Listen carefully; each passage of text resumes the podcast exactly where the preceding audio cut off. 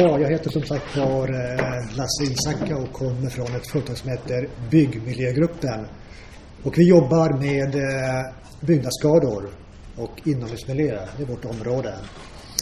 Eh, byggnadsskador handlar mycket om att det sker någonting med byggmaterial och att det börjar kanske växa och gro beroende på fukt. Eller att det blir en typ av kemisk nedbrytning beroende på att fukt påverkar material. Eh, jag tänkte visa en skiss som är väldigt eh, enkel och praktisk och eh, ni kan ju fundera på ni som bor i hus eller lägenheter om ni har några typer av problem ni vill ventilera och fråga om så passa på så ska jag försöka svara på det.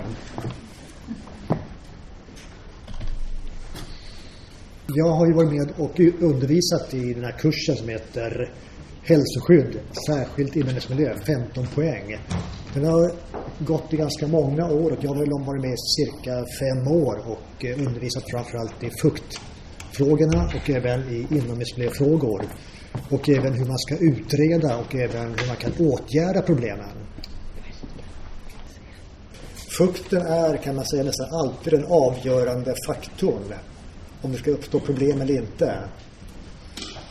Eh, det finns ju vissa gränser för när det kan växa mögel. Och eh, det finns en gräns på drygt 15 procent i fuktkvot.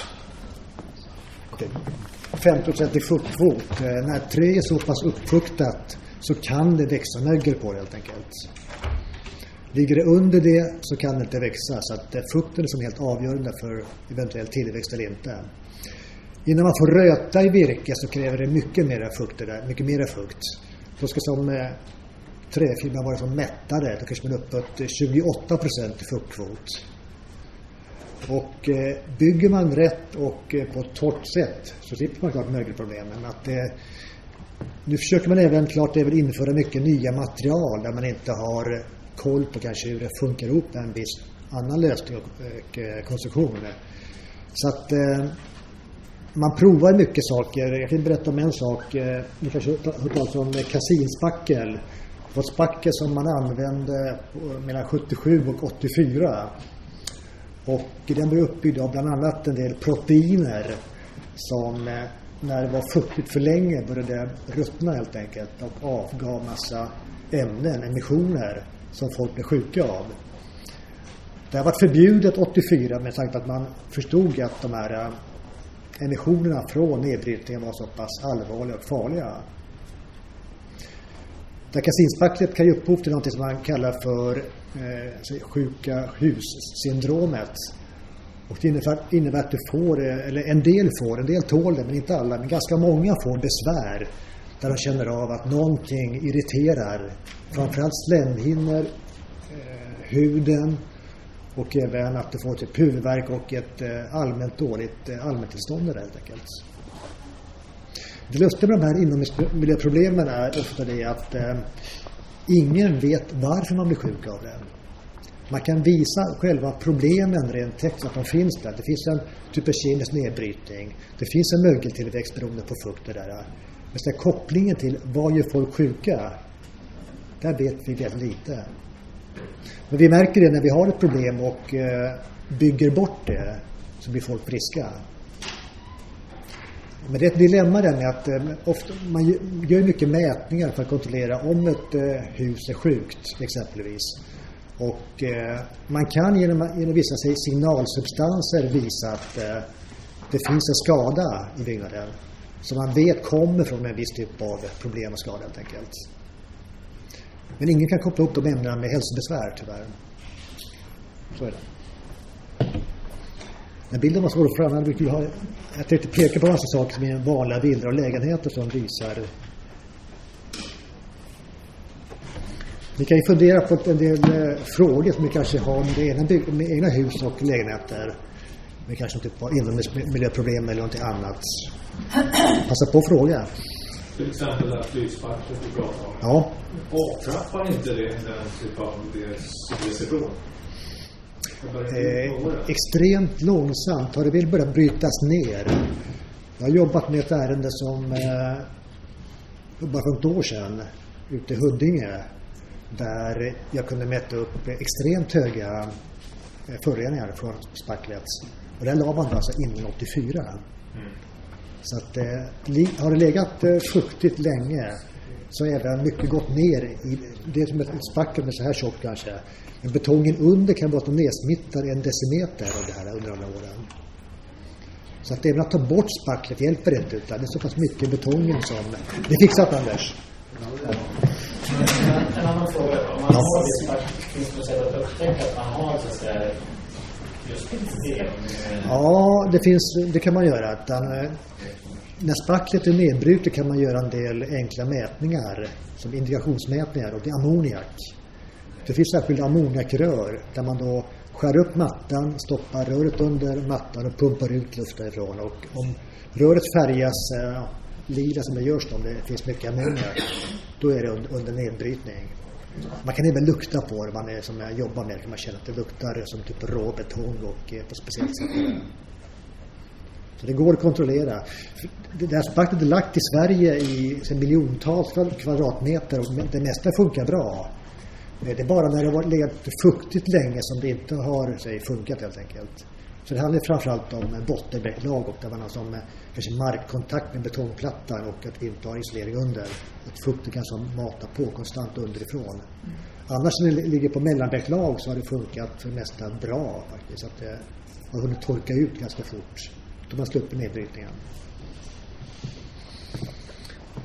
Ja, här är en eh, enkel skiss på en eh, man säger, byggnad, eller ett hus helt enkelt. Och om vi börjar uppifrån och går neråt. Eh, eh, som jag sa, fukten är den stora biten när det gäller att eh, det ska uppstå problem. Och eh, ni- om ni tänker er en kallvind som är då uteluftsventilerad. Där kan det klart uppstå läckage. Det är ganska självklart att det kan hända att det blir en läck genom taket och då får du inläckage av vatten och att det då kan uppstå en ja, mögelskada i trä helt enkelt. Det, sånt förekommer. Men det som är kanske mer okänt är att eh, om, ni, om ni tänker er inomhusluften, den är ju varm. Säg runt 20 grader och eh, det funkar så att eh, varm luft kan binda mycket mer vatten än kall luft innan det är mättat. Så att har du ett läckage från inomhusluften, typ via en vindslucka, så går den varma eh, luften som innehåller ganska mycket vatten men att är ändå inte så mättad och eh, kommer till ett kallt utrymme. Och det innebär att eh, luften på vinden blir så pass hög att det kan passera 100 procent. Därför att det kalla kan binda mycket mindre vatten per kubikmeter innan det är mättat. Då kan du få kondens på typ 13 där. Så får du pröva det. Det kan vara ganska stora mängder vatten där kan uppstå. Det kan mycket väl vara som droppar vatten beroende på den här effekten. Det är inte så ovanligt heller inte att det uppstår.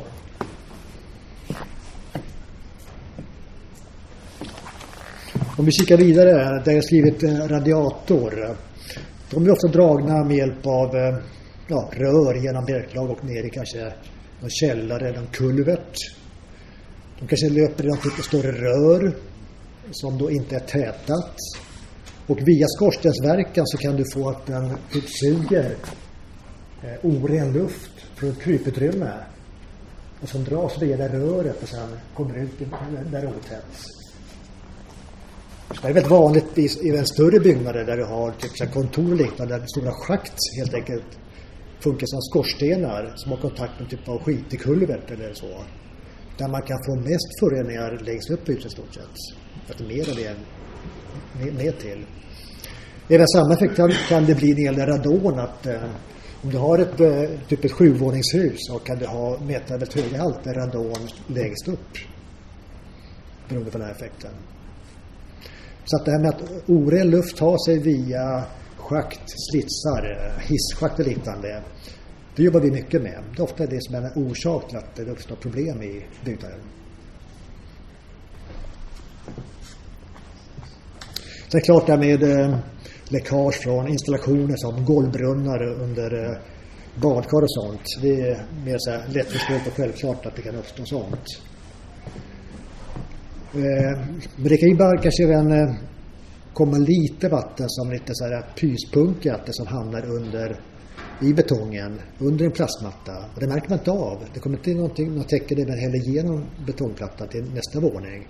Men det som kan uppstå då är att du får en så pass eh, hög fuktighet under plastmattan och eh, fukt i samband med eh, betong gör fukten så extremt alkalisk, alltså högt, högt, högt pH.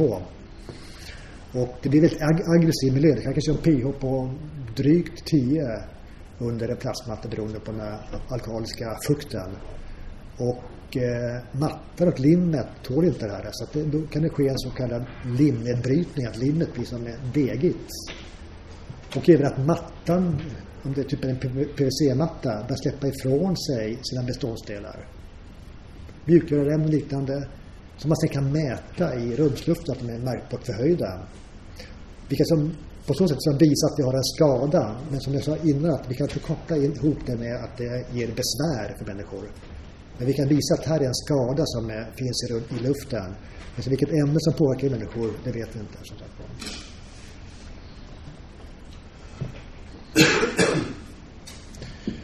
Vad ska vi mer gå in på?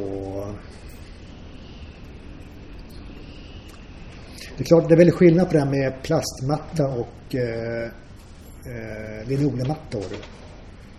Eh, plastmattor som jag var inne på här nu, de, de kan som, som brytas ner kemiskt framförallt och att limmet eh, förtvålas. När det gäller lin, linoleummattor, de är mer genomsläppliga och släpper igenom mera fukt där. Men ligger de på ett bottenbräcklag också där det matas på med fukt konstant från marken? För marken kan man säga är i stort sett alltid 100% i luftporerna en bit ner där i fuktighet. Det som händer med en linoleummatta som då innehåller material som är organiskt, juteväv helt enkelt, är att den blir möglig. Där får vi ingen kemisk nedbrytning av hela mattan, men det kan klart hända med limmet, men det är framförallt att den börjar mögla helt enkelt under till.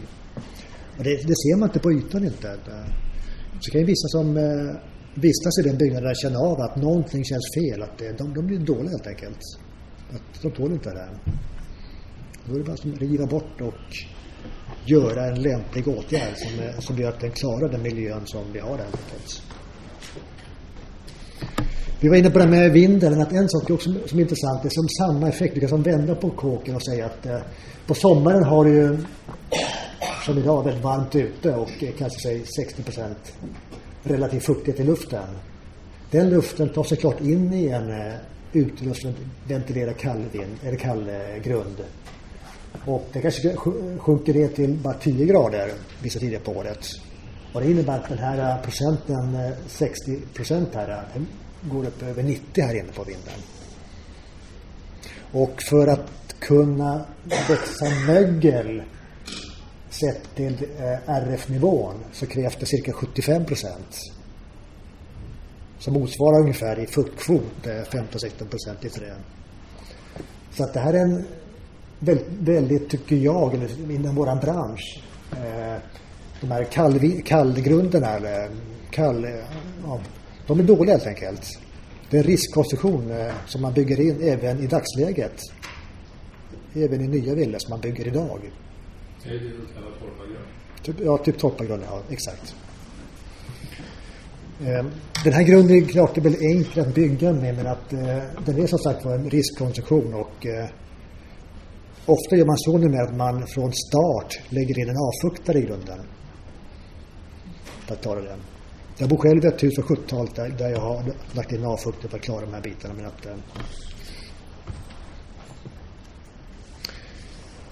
men det är, det är lite lustig lösning att man har en lösning i dagsläget som man direkt måste aktivt börja som åtgärda. Och det är så det funkar, att man får göra om man ska klara de här bitarna lång tid framöver. Då kan man undra vad är en bra grundläggning? Det som jag och inom vår bransch tycker är bra, det är klart att ha en eh, platta på mark, men inte med isolering ovanför. Där vi tog in det här med platta på mark till Sverige, det var en från USA för länge, länge sedan, så skippade vi isoleringen under. Och det var vårt misstag. För om man isolerar under, då, då blir det som en bra grund. Men tar man bort den så blir det en urusel grund att stå på för ett hus. Och det beror på att, att marken är som sagt var kring 100% i RF-nivå konstant året runt under plattan. Och den fukten klart tar sig in eh, genom plattan och eh, Har du sedan lagt träreglar på plattan eller en eh, plastmatta eller en nylonmatta, klart, den tar stryk helt enkelt. Det funkar inte. Men lägger du isolering under plattan, här är betongplattan, att du lägger isolering under här, så innebär det att den varma luften håller plattan varm och därmed torr. För att du har isolering under. Att ha isolering här, här på gör som saken värre kan man säga. Om det hade varit en källare utan ett golv som lägger på här med isolering så då funkar det ganska bra. Det blir som en naturlig andning här på sättet att det bara, bara är ren betongplatta. Men lägger du på här som kanske plastfolie så ligger det träspån under den folien. Det blir böger med som ett brev på posten efter ett tag. Det luktar väldigt illa om det också. Det här är bitar som Anders har hört under fem års tid. Jag har pratat mycket om det här med eh, inomhusmiljöproblem och eh, fukt framförallt. Och så här. Jag tänkte lägga in en liten överkurs som Anders inte har hört som ändå berör samma område. Det handlar mycket om det här med eh, miljöinventeringar. Det är också ett, ett område där man kika på vad hus innehåller innan man ska riva och bygga om. Det finns såklart miljöskadliga ämnen och eh, även både miljöskadliga och hälsofarliga ämnen i hus. Så jag tänkte visa en del eh, konkreta bilder på det som avslutning. Så de är ett instrument eh, som indikerar fukt. Och den funkar som så att när man lägger den mot en yta och det är fuktigt så låter den, den, den skriker helt enkelt. Talar om att här är fuktigt. Man ser, man ser även ett, eh, ett utslag på instrumentet. Det är inget mätvärde men ett utslag som visar högt, låg, lågt. Och ifall det finns ett tecken på förhöjd fukt helt enkelt. Det kan man även lägga på människor, människor kolla ifall de är torris eller inte. Jag tänkte prova det på slutet sen. Den som, den som vågar. Nummer ett så det isolering eh, ventilationsrör. Eh, vi jobbar ganska mycket också med att inventera byggnader innan man ska då bygga, eh, riva eller bygga om. Och en stor bit eh, som då är klart eh, hälsoskyddskopplat, det är klart med asbest. Och vart finns det, då? Asbest. Eh, det, bland det vanligaste är så gamla värmerör. Där har man ett visst pulver, beigebrunt. Och det innehåller nästan alltid asbest där. Jag kan säga så här när det gäller värmerörsystem så det vanligaste är just i själva böjen där sånt där pulver. Annars brukar det vara mineralull i raksträckor och även i T-kopplingar där man använder kanske där man kopplar på sig ett rör, det här, den här ledden. Men som sagt i böjen är det vanligast att det finns asbest helt enkelt.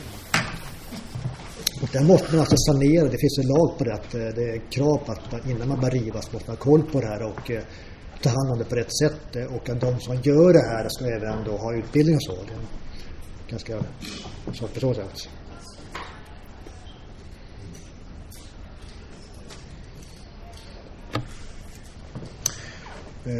Kakel och klinker, det har ju de flesta hemma själv. Men har man ett äldre hus så kan det faktiskt vara i själva det som är fäst, fästmassan bakom plattan kan innehålla asbest. Men även den här själva fogen och ofta, och också ofta asbest i gammalt material. Eh, om man river det hemma hos sig själv, då får man riva det utan tillstånd. Det är, det, det är som upp, en, upp till själv faktiskt att göra det. Men att eh, om du river det i en större skala, i typ ett kontor, en skola, då måste du som eh, ha koll på det och eh, först inventera och sen även eh, om det är asbest, ta in en firma som kan det här. Där man bygger in den med luftslussar och tar hand, om det på rätt sätt och så.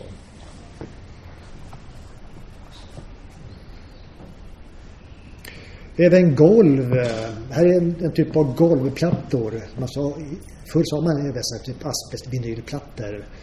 Den typ av PVC-rutor och eh, de innehåller jätteofta asbest i själva plasten. Men det kan vara så att man är ute på ett objekt och det är kanske en platta är grön och en nästa är blå. Så är det bara en av många asbest. Man får ju alltid ta prov på båda färg, alla färgerna.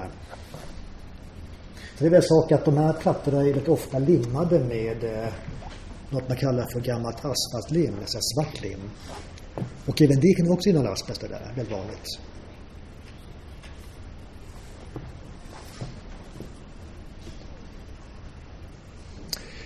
Här har vi en linoleummatta och eh, själva linoleum eh, har jag aldrig varit med om att den innehåller asbest. Men däremot som sagt var det här eh, svarta linnet som ligger under innehåller ganska ofta asbest. Där.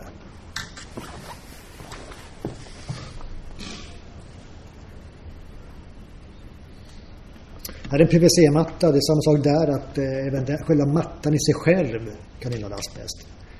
Det gör inte linoleum. Eh, men däremot eh, gamla plastmattor kan innehålla asbest som sagt var i sig själv. Och plus då att det kan vara ibland vara ett svart lim under. Just här är inte det så pass ljust. Men att det, det kan vara som både i matta och i limmet asbest helt enkelt.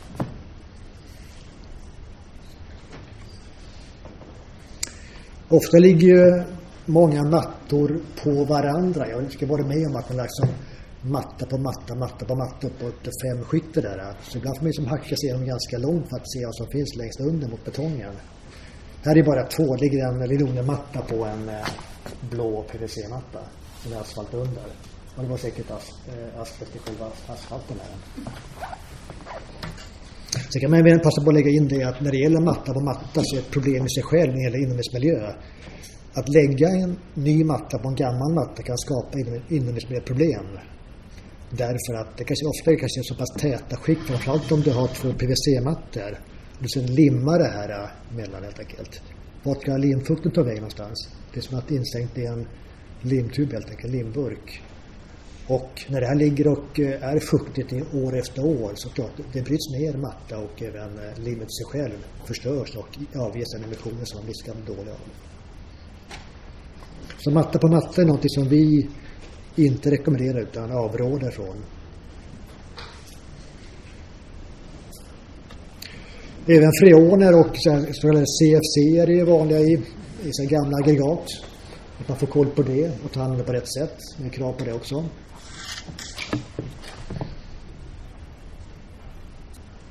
Jag visar, jag visar tio, jag hade tio bilder, jag måste säkert visa dem. Nej, det är inte alls det. Jag hade fler bilder. Kommer jag ihåg. Jag hade bly och annat sånt där till visa också. Så jag får på den. Där här kommer det fram någonting. Det här är en så kallad ehm, så nödutgångsbelysning och de har så backup-batterier och eh, de kan innehålla, här är själva batteripacket, antingen bly eller kadmium. Just när jag ser upp det, här står det NICD, nickelkadmium. Så det, det, det, det är ett kadmiumbatteri just här. Det gäller olika så här, lysknappar och även så här, trappströmbrytare. Så det sätter man som, eh, som lampor kan hålla på att flimra. De innehåller kvicksilver. Det är som en platta kvicksilver i de här som, som glöder. De ska man också ta hand om på rätt sätt om man river.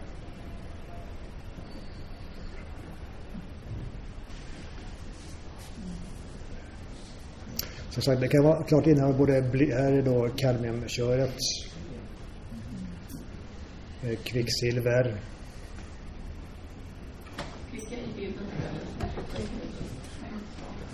Ja. det här är bara med, med bild. Eh, ibland är ute och inventerar inför en rivning så hittar man också även eh, fuktskador. Så kan det se ut i en källare att eh, det är sannolikt att, att eh, det är platta på mark uterisolering under och att fukt, markfukten sugs upp i, som upp i väggen här. Och så är det en motfylld vägg där det är motfyllt mark på andra sidan som då och att det är ett bristfälligt fuktskydd på utsidan som då trycker på med fukt, markfukt in, in i byggnaden. Det är vanligt. Jag jag har visat de bilderna jag ville visa och berättat det jag ville. Utan eh, det som är kvar den här eh, fuktindikeringen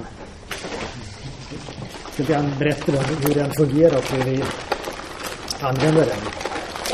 Vi har olika typer av fältinstrument när är ute i fältet där och eh, det här är en typ som kallas fuktindikator och typ när det gäller den här typen av utrymme så kan man med den, man lägger den på, mot ytan mot golvet. Då kan man som känna av vad du får som högt, högst utslag.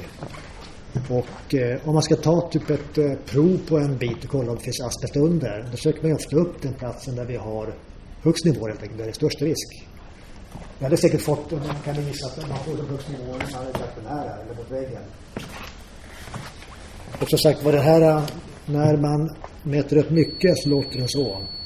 Och är det torrt någonstans så är den tyst helt enkelt. Jag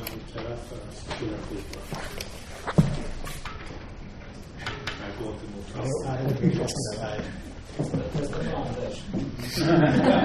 det var ju det, det, det vi skulle göra. Vi får hoppas att du, att det tjuter Anders. Annars är det torrt.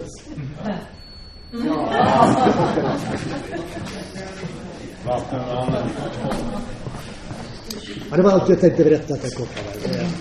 Lite om det som jag eh, har pratat om inför Anders här under fem års tid och fick även en liten överkurs här med de här bitarna som, inte- som du tar upp tidigare. Obrigado.